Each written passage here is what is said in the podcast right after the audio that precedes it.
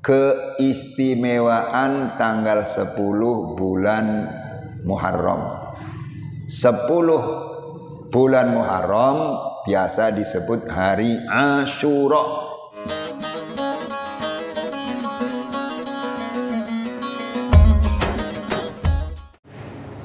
Alhamdulillahilladzi faddala bani Adam bil ilmi wal amali ala jami'il alam. والصلاة والسلام على محمد سيد العرب والعجم وعلى آله وأصحابه نبيع العلوم والحكم. رب اشرح لي صدري ويسر لي أمري واحلل عقدة من لساني يفقه قولي. ربي يسر ولا تعسر. ربي تمم بالخير. ربي تمم بالخير. ربي تمم بالخير. أما بعد. Marilah kita awali taklim kita pada kesempatan ini dengan baca suratul Fatihah. Kita tujukan pada Nabi kita Muhammad sallallahu alaihi wasallam, pada para keluarganya, para sahabatnya, pada para guru kita khususnya mereka yang telah mengajar kita agama. Pada para orang tua kita, bapak, ibu kita, kakek, nenek kita serta keluarga kita dan saudara kita seagama.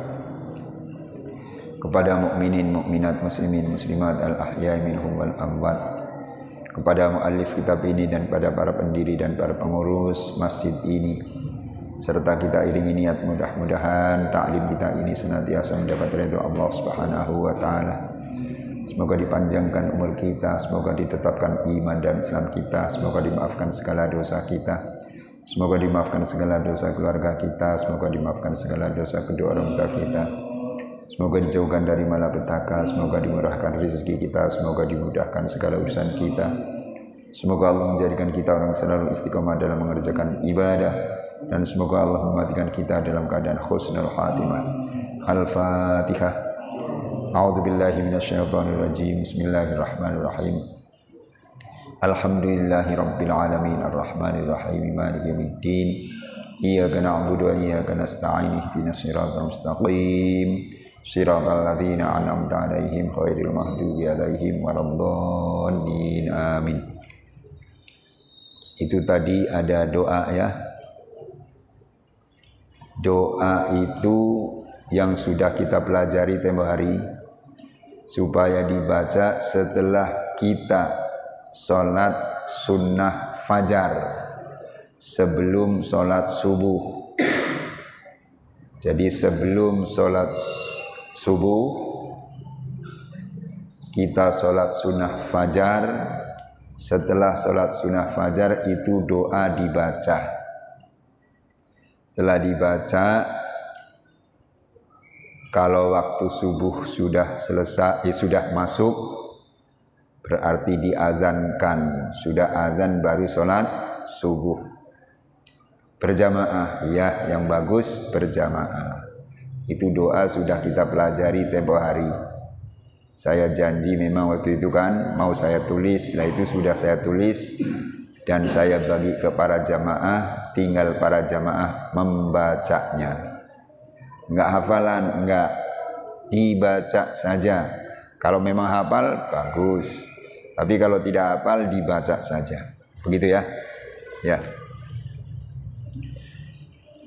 Jamaah yang dimuliakan Allah Subhanahu wa taala, pengajian pada malam hari ini akan kita bahas tentang hari Asyura. Hari Asyura itu hari ke-10 bulan Muharram. Sekarang bulan apa? Muharram sekarang bulan ke satu. Ya bulan Islam bulan pertama adalah Muharram. Muharram.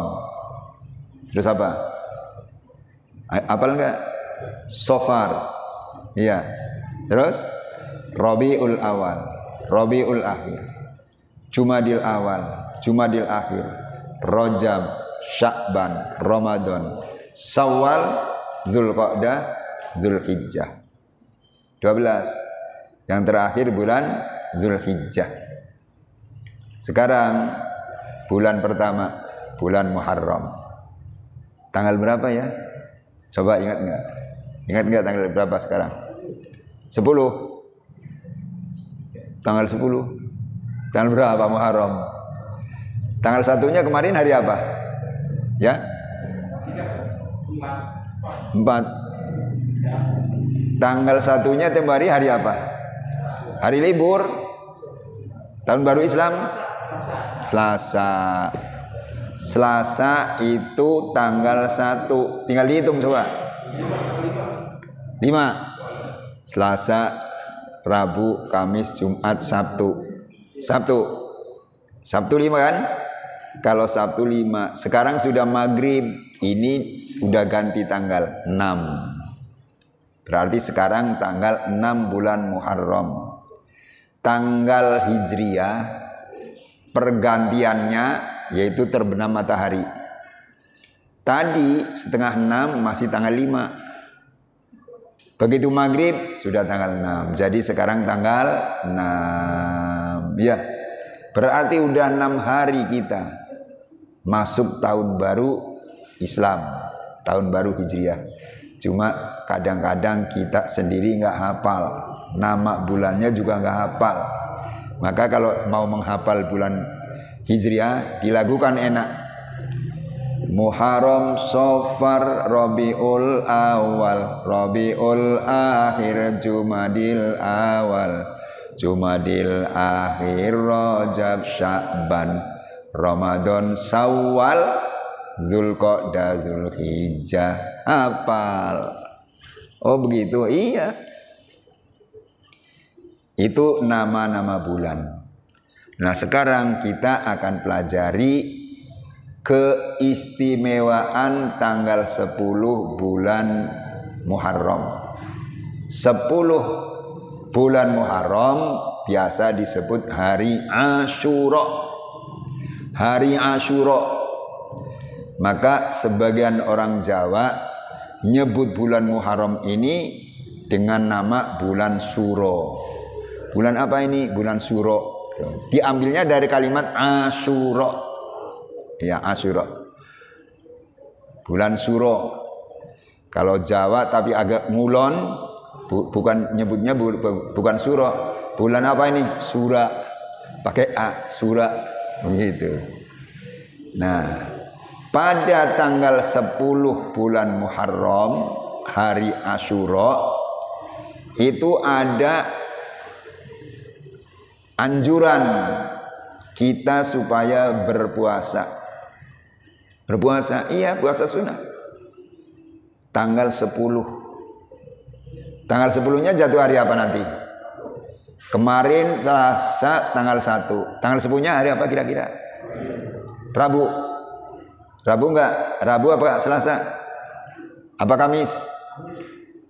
Ngitungnya biar gampang begini. Selasa, Selasa tanggal 1 kan?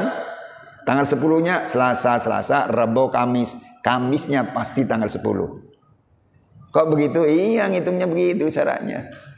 Selasa tanggal 1, Selasa, Selasa, Rebo, Kamis. Kamisnya pasti 10. Jadi nanti tanggal 10 umat Islam disunahkan untuk puasa hari Ashura. Akan tetapi, ah, akan tetapi lagi. Biar beda dengan orang Yahudi mengerjakan puasa tanggal 10 Muharram, hari Ashura. Nabi berkata, puasalah satu hari sebelum tanggal 10 dan satu hari sesudah tanggal 10. Itu biar beda dengan orang Yahudi. Emang orang Yahudi puasa tanggal 10 bulan Muharram? Iya, ini ada hadisnya. Hadisnya begini. Bismillahirrahmanirrahim. Ani bin Abbas radhiyallahu anhuma. Diriwayatkan dari sahabat Ibnu Abda Abbas radhiyallahu anhuma qal ia berkata Qadiman Nabiyyu sallallahu alaihi wasallam al-Madinah Nabi datang ke kota Madinah. Satu saat Nabi datang ke kota Madinah. Fawajadal Yahuda yasumuna yawma Ashura. Waktu itu Nabi berjumpa dengan orang Yahudi mereka mengerjakan puasa pada hari Asyura. Orang Yahudi puasa hari Asyura. Tanggal 10 bulan Muharram. Fasa'alahum an dhalik. Kemudian Rasul Nabi tanya kepada mereka tentang puasa itu. Eh, ngapain ente puasa? Begitu. Ente puasa hari Asyura tanggal 10 bulan Dzulhijjah Ngapain? Eh, bulan Muharram, maaf, bulan Muharram. Ngapain ente puasa? Tuh ditanya oleh Nabi begitu. Mereka menjawab. Fakalu mereka jawab. Inna hadzal yawma adharallahu fihi Musa wa bani Israel ala qaumi Fir'aun fanahnu nasumuhu ta'ziman lahu. Kata orang Yahudi yang berpuasa tanggal 10 bulan Muharram begini. Hari ini tanggal 10 bulan Muharram Allah memenangkan Nabi Musa dan Bani Israel atas Fir'aun dan kaumnya. Atas Fir'aun dan kaumnya. Jadi Nabi Musa bisa mengalahkan Fir'aun dan kaumnya itu terjadinya tanggal 10 bulan Muharram. Hari Ashura. Fanahnu nasumuhu ta'ziman lahu kata orang Yahudi kami berpuasa hari ini tanggal 10 Muharram hari Ashura karena kami mengagungkan Nabi Musa. Tuh, orang Yahudi saja mengagungkan. Setelah dijawab begitu, Nabi berkata, "Faqala Nabi sallallahu alaihi wasallam." Kemudian Nabi berkata, "Nahnu aula bi Musa minkum." Kami kaum muslimin lebih utama terhadap Nabi Musa daripada ente semua. Begitu. Kami muslim lebih utama, aula lebih utama terhadap Nabi Musa daripada kamu-kamu itu sebab kamu adalah orang Yahudi.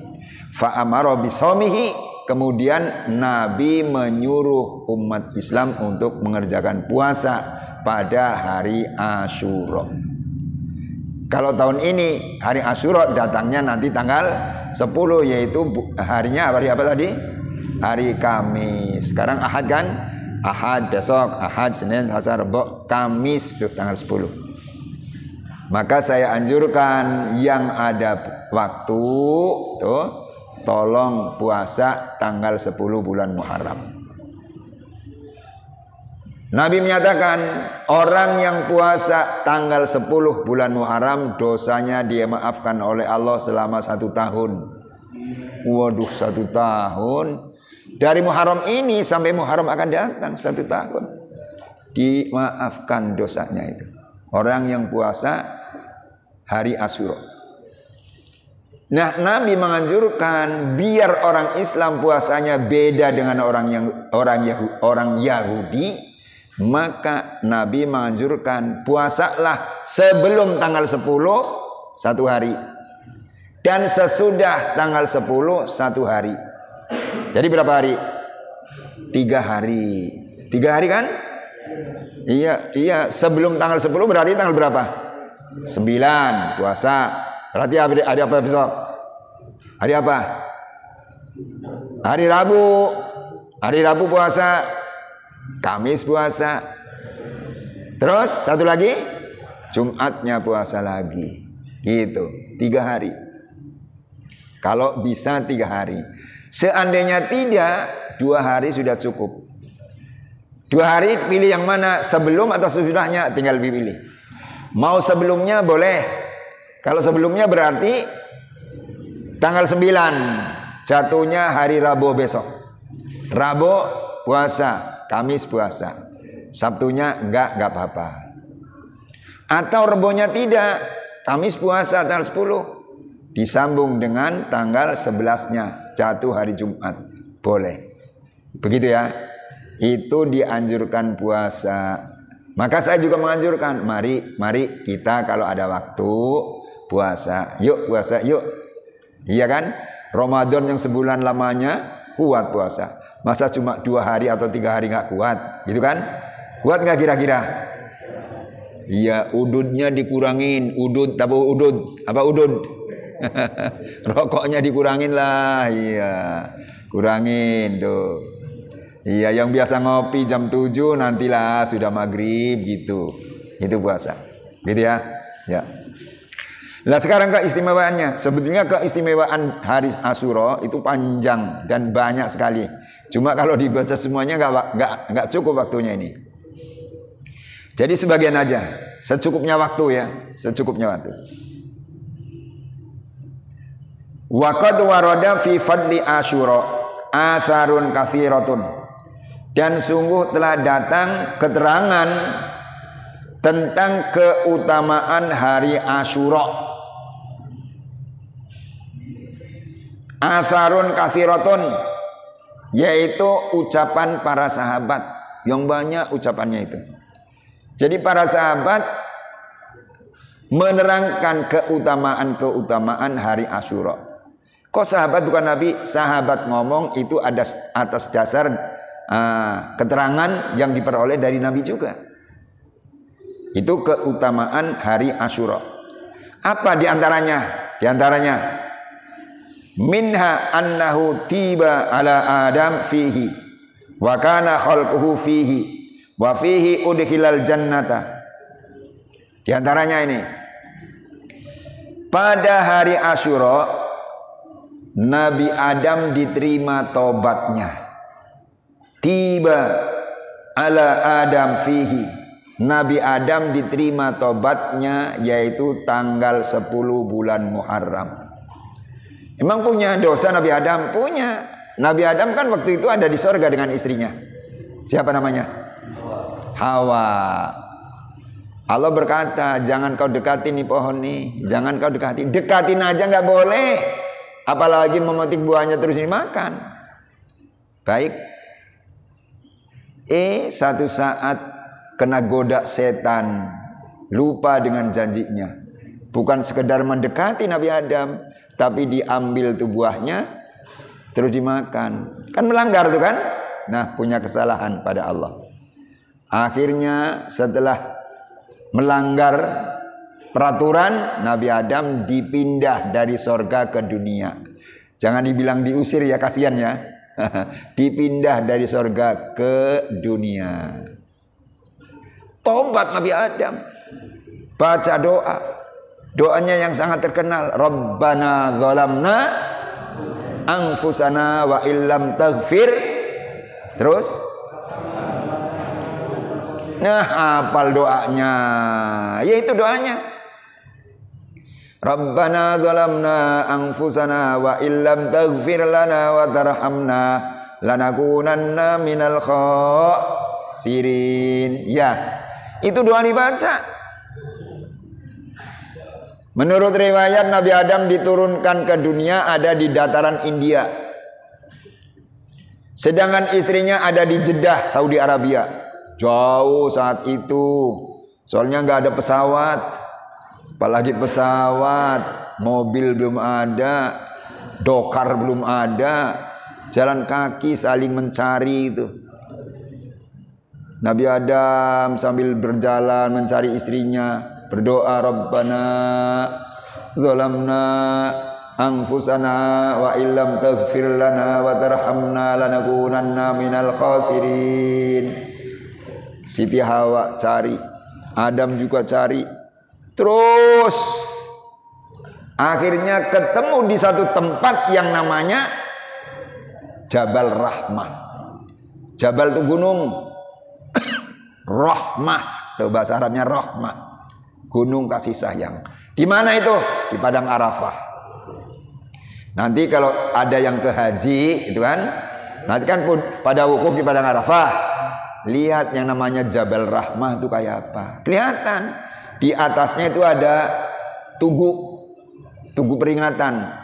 Kalau dulu waktu saya ke sana catnya putih, sekarang nggak tahu catnya. Tapi saya kira masih cat putih. Tahun 19 saya umroh dengan istri dengan anak juga saya ke sana. Oh iya putih. Begitu. Nah di situ ketemu Nabi Adam dengan istrinya yang namanya Hawa, minta ampun pada Allah sambil doa itu tadi dibaca, dimaafkan dosanya oleh Allah Subhanahu wa taala. Nah, yang semacam itu diterima tobatnya Nabi Adam terjadinya tanggal 10 bulan Muharram. Gitu tuh. Itu keistimewaan bulan ya tanggal 10 bulan Muharram. Itu satu. Wa kana khalquhu fihi dan Nabi Adam diciptakan juga pada tanggal 10 bulan Muharram. Nabi Adam diciptakan. Dari apa diciptakannya? Dari tanah, mintin, dari tanah itu. Ya, dari tanah. Itu juga tanggal 10 bulan Muharram diciptakan. Oh, Nabi Adam diciptakannya dari tanah. Iya, Berarti kita keturunan Nabi Adam dari tanah juga tadinya. Ya iya. Maka nanti kembalinya ke tanah juga kan? Iya, dikubur. Tuh, Nabi Adam diciptakannya dari tanggal tanggal 10 bulan bulan Muharram. Wa fihi udkhilal jannah. Dan tanggal 10 bulan Muharram juga Nabi Adam dimasukkan ke surga. Begitu diciptakan oleh Allah, akhirnya Pas tanggal 10 bulan Muharram hari Ashura Nabi Adam suruh masuk ke sorga. Masya Allah. Tuh ya. Itu keistimewaan tanggal 10 bulan Muharram. Tuh satu. Itu di antaranya. Ada lagi? Ada. Wa fihi khuliqal arsyu wal kursi was samawati was syamsu wal qamar wan nujumu. Tanggal 10 bulan Muharram pula diciptakan oleh Allah, dibuat oleh Allah yang namanya aras, aras, kursi, aras itu kerajaan Allah begitulah. Hebatnya kayak apa mbak? Gak tahu kita. Kursi itu diciptakannya juga tanggal 10 bulan Muharram. Wassamawatu dan langit, langit yang kita lihat sampai langit kedua, ketiga sampai ketujuh. Langit, langit kan ada tujuh lapis. Itu diciptakannya juga tanggal 10 bulan Muharram. Wasyamsu matahari. Matahari sama. Wal bulan. Wal qamar dan bintang. Itu semuanya diciptakannya oleh Allah tanggal 10 bulan Muharram yang disebut hari Ashura. Ada lagi ada keistimewaannya. Wa wulida Ibrahimul Khalilu fihi. Wa kanat najatuhu minan nar fihi. Maksudnya wa wulida dan dilahirkan Ibrahimu Nabi Ibrahim Al-Khalil fihi pada tanggal 10 bulan Muharram. Nabi Ibrahim dilahirkan juga tanggal 10 bulan Muharram. Nabi Ibrahim. Maka nanti kalau ente ada yang punya istri sekarang lagi hamil misalnya pas tanggal 10 bulan Muharram melahirkan lihat anaknya, laki perempuan, laki kasih nama Ibrahim. Iya tuh, kasih nama Ibrahim tuh. Istrinya lagi hamil nggak? Ini lagi hamil istrinya. Udah berapa bulan? 8 Muharram udah kelewat ya. Iya nggak apa-apa. Iya itu. Jadi Nabi Ibrahim dilahirkan tanggal 10 bulan Muharram. Wa kanat najatuhu minan nar fihi dan Nabi Ibrahim selamat dari ambukan neraka, bukan neraka, api. Itu juga tanggal 10 bulan Muharram. Amukan api bagaimana itu Pak Ustaz? Nabi Ibrahim kan dihukum. Siapa yang mau hukum? Raja Namrud. Dihukumnya dibakar hidup-hidup. Masya Allah, teganian dua orang. Dibakar hidup-hidup. Nabi Ibrahim mungkin suruh duduk begitu ya. Begitu duduk, sebelah kanan kasih kayu, sebelah kiri kasih kayu, depan kayu, belakang kayu, di atasnya kayu begitu ya. Dibakar. Nyala itu apinya. Nyala jadi api unggun, masya Allah. Akhirnya apinya padam. Padam. Begitu padam Nabi Ibrahim jadi abu. Enggak. Nabi Ibrahim selamat Nabi Ibrahim selamat. Orang pada tercengang. Loh, Ibrahim masih hidup. Enggak hangus sedikit pun, enggak cemong sedikit pun. Pakaiannya masih utuh. Begitu. Selamat Nabi Ibrahim. Nah itu juga terjadinya tanggal 10 bulan Muharram yang disebut hari A, Ashura. Masya Allah. Tuh Nabi Ibrahim. Wa kadzalika najatu Musa wa man ma'ahu. Begitu juga pada hari itu diselamatkan Nabi Musa bersama kawan-kawannya. Nabi Musa diselamatkan pada tanggal 10 bulan Muharram. Diselamatkan dari siapa? Nabi Musa kan kejar-kejar oleh Firaun. Maka di sini ada keterangan tambahannya lagi wa ukhriqa fir'aunu wa man ma'hu fihi. Tuh. Nabi Musa dikejar-kejar. Nabi Musa dengan kawan-kawannya, dengan sahabat-sahabatnya dikejar oleh Firaun. Kejar, Bukan Fir'aun saja. Bala tentaranya ikut ngejar. Ayo kejar Musa. Kejar. Akhirnya setelah dikejar, Nabi Musa dengan kawan sampai di pinggir laut. Bingung. Kalau kita nyebrang ke sana laut, bagaimana ini? Ke kanan nanti dikejar-kejar, kita capek nanti kena. Ke kiri juga capek nanti kita kena juga. Wah, bingung gimana? Tapi akhirnya Allah menyuruh Nabi Musa supaya dipukulkan itu tongkatnya kepada laut, ke air yang ada di depannya. Pukulkan itu tongkat kamu Musa. Akhirnya dipukul. Setelah dipukul eh jadi jalan tol. Kalau sekarang tol ya. Iya jalan tol. Musa lalui, lalui. Lewat sini, lewat sini. Nah. Akhirnya berangkat di sana sama kawan-kawannya, sahabatnya. Fir'aun dengan tentaranya ngejar lagi.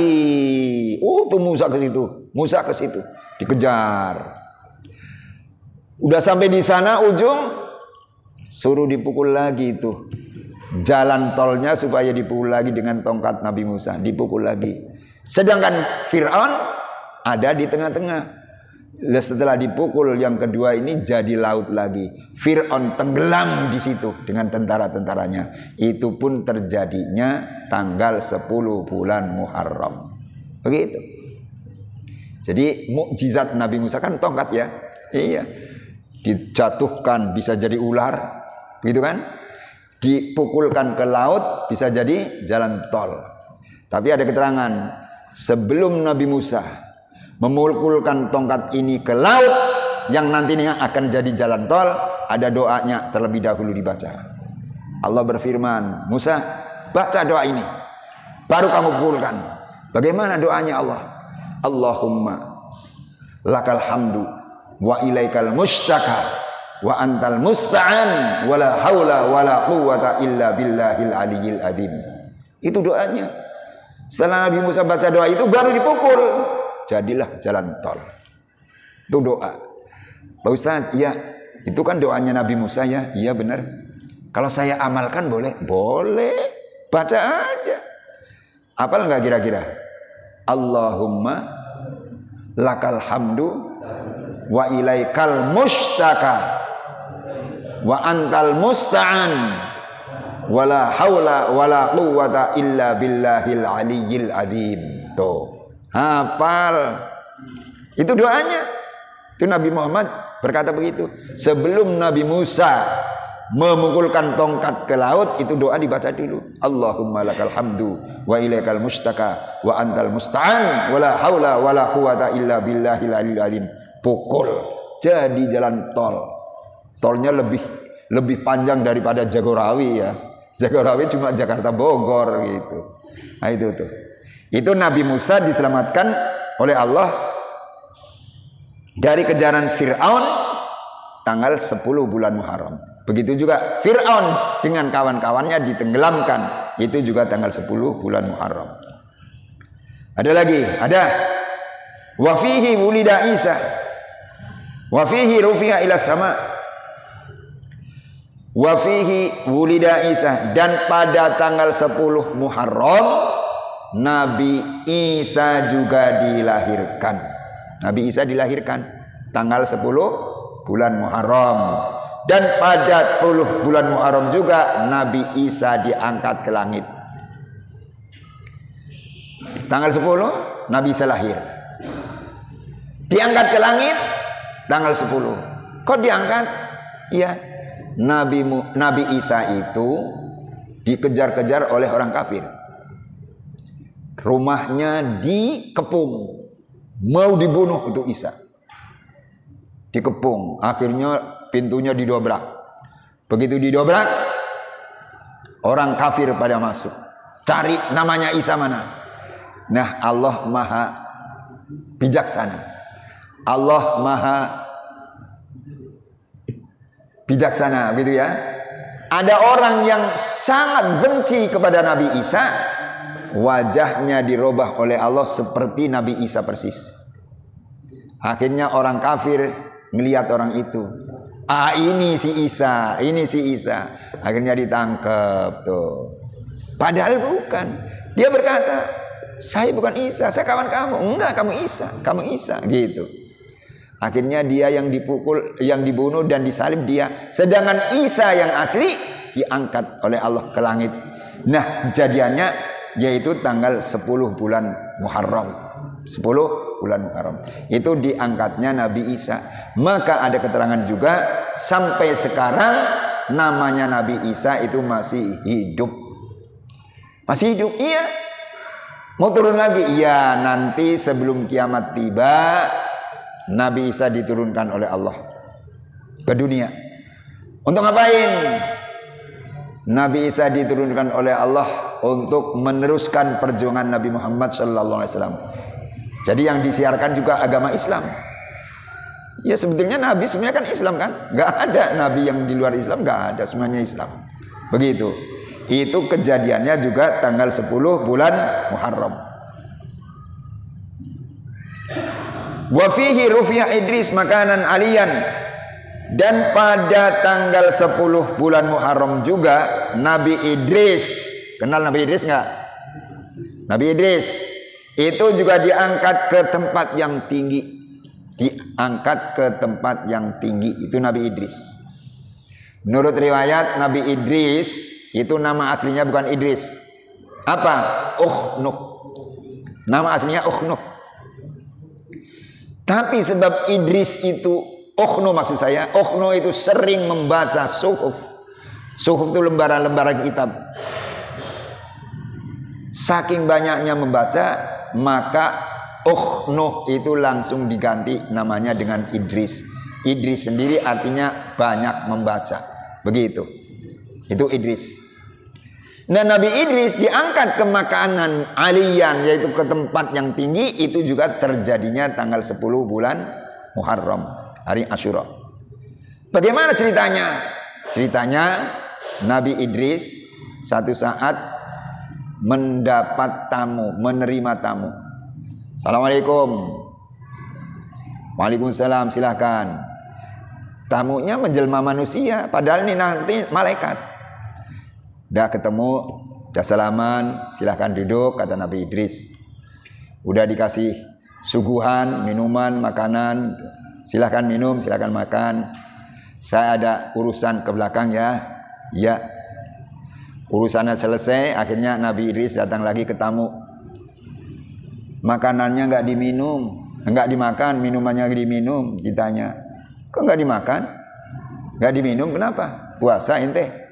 Kagak. Kok nggak dimakan, nggak minum? Saya nggak makan, nggak minum. Ya sudah. Saya ada urusan keluar. Oh kalau begitu saya ikut. Nah, saya ikut. Akhirnya boleh ikut ikut. Jalan berdua.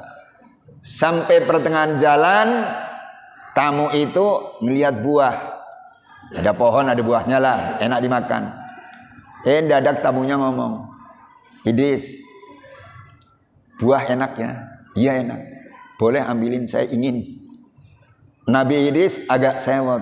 Ente gimana? Suruh makan di rumah kagak mau, minum di rumah kagak mau.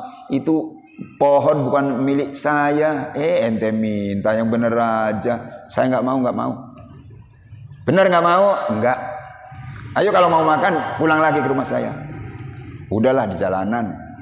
Saya cuma nguji kamu kok. Nguji. Isa tanggung ya Saya cuma nguji kamu. Nguji bagaimana? Kalau asal kamu tahu saya ini Israel. Israel, saya Israel. Israel malaikat. Iya, saya malaikat Israel. Loh, kamu datang ke saya mau cabut nyawa saya? Oh, enggak, enggak, enggak. Saya ingin ziarah saja dengan kamu. Saya ingin berkunjung pada kamu. Kok tumben-tumbenan berkunjung? Saya sudah mendengar nama kamu dari berapa ribu tahun. Nanti ada orang namanya begini-begini gini. Terus akhirnya diganti Idris. Nah, saya ingin ketemu dengan kamu. Ah, sekarang ketemu. Ya udah, saya mau jalan, ikutin aja.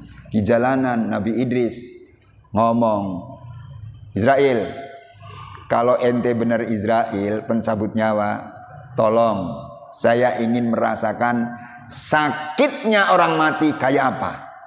Tolong cabut nyawa saya sekarang. Loh saya nggak berani. Kenapa nggak berani? Nggak dapat izin dari Allah. Kalau saya dapat izin dari Allah baru saya cabut. Mintalah izin pada Allah. Gitu. Akhirnya minta izin. Mau cabut nyawa. Siapa namanya tadi? Idris. Dapat izin. Dicabut. Cabut. Udah dicabut meninggal, ada di jalan, bingung Nabi eh, malaikat Israel. Wah, meninggal ini gimana? Apa dibuang atau ditaruh? Bagaimana ini? Aduh, bingung gitu. Akhirnya berdoa kepada Allah. Allah ini bagaimana Idris meninggal? Baik saya hidupkan lagi. Dihidupkan lagi. Tuh. Setelah dihidupkan lagi hidup. Alhamdulillah hidup. Ditanya oleh Israel. Idris. Udah mati? Iya. Sekarang hidup lagi? Iya. Saya walaupun pencabut nyawa, saya belum pernah merasakan sakitnya mati. Saya mau tanya pada kamu, Bagaimana sakit mati, eh, sakit enggak waktu dicabut nyawanya? Saya tanya dulu pada kamu. Kamu nyabutnya pelan-pelan atau dibetot begini? Saya pelan-pelan sebab ente kan nabi. Saya cabutnya pelan. Kecuali kalau orang kafir mati sebetot. Nah, begitu. Itu kafir.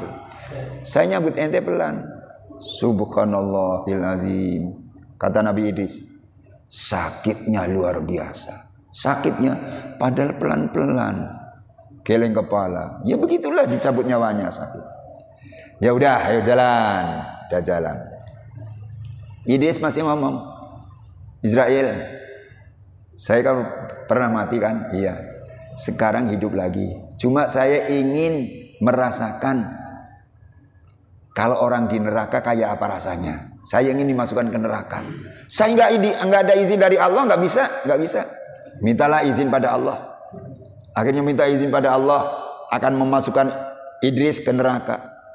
Diizinkan. Akhirnya Idris cemplungin ke neraka. Plung. Udah di neraka, waduh panasnya luar biasa. Akhirnya minta di, di, diambil lagi. Akhirnya diambil oleh Idris. Setelah diambil, dibetulkan lagi pakaiannya, dibetulkan lagi badannya sudah hangus, sembuh seperti sedia kala. Alhamdulillah jalan lagi. Udahlah jalan lagi. Idris masih ngomong. Israel. Saya sudah mati. Ya. Sekarang hidup lagi kan? Ya. Saya sudah pernah ke neraka kan? Ya. Begini, kalau ada orang muslim masuk neraka, masuk neraka, orang muslim nanti pasti dimasukkan ke surga.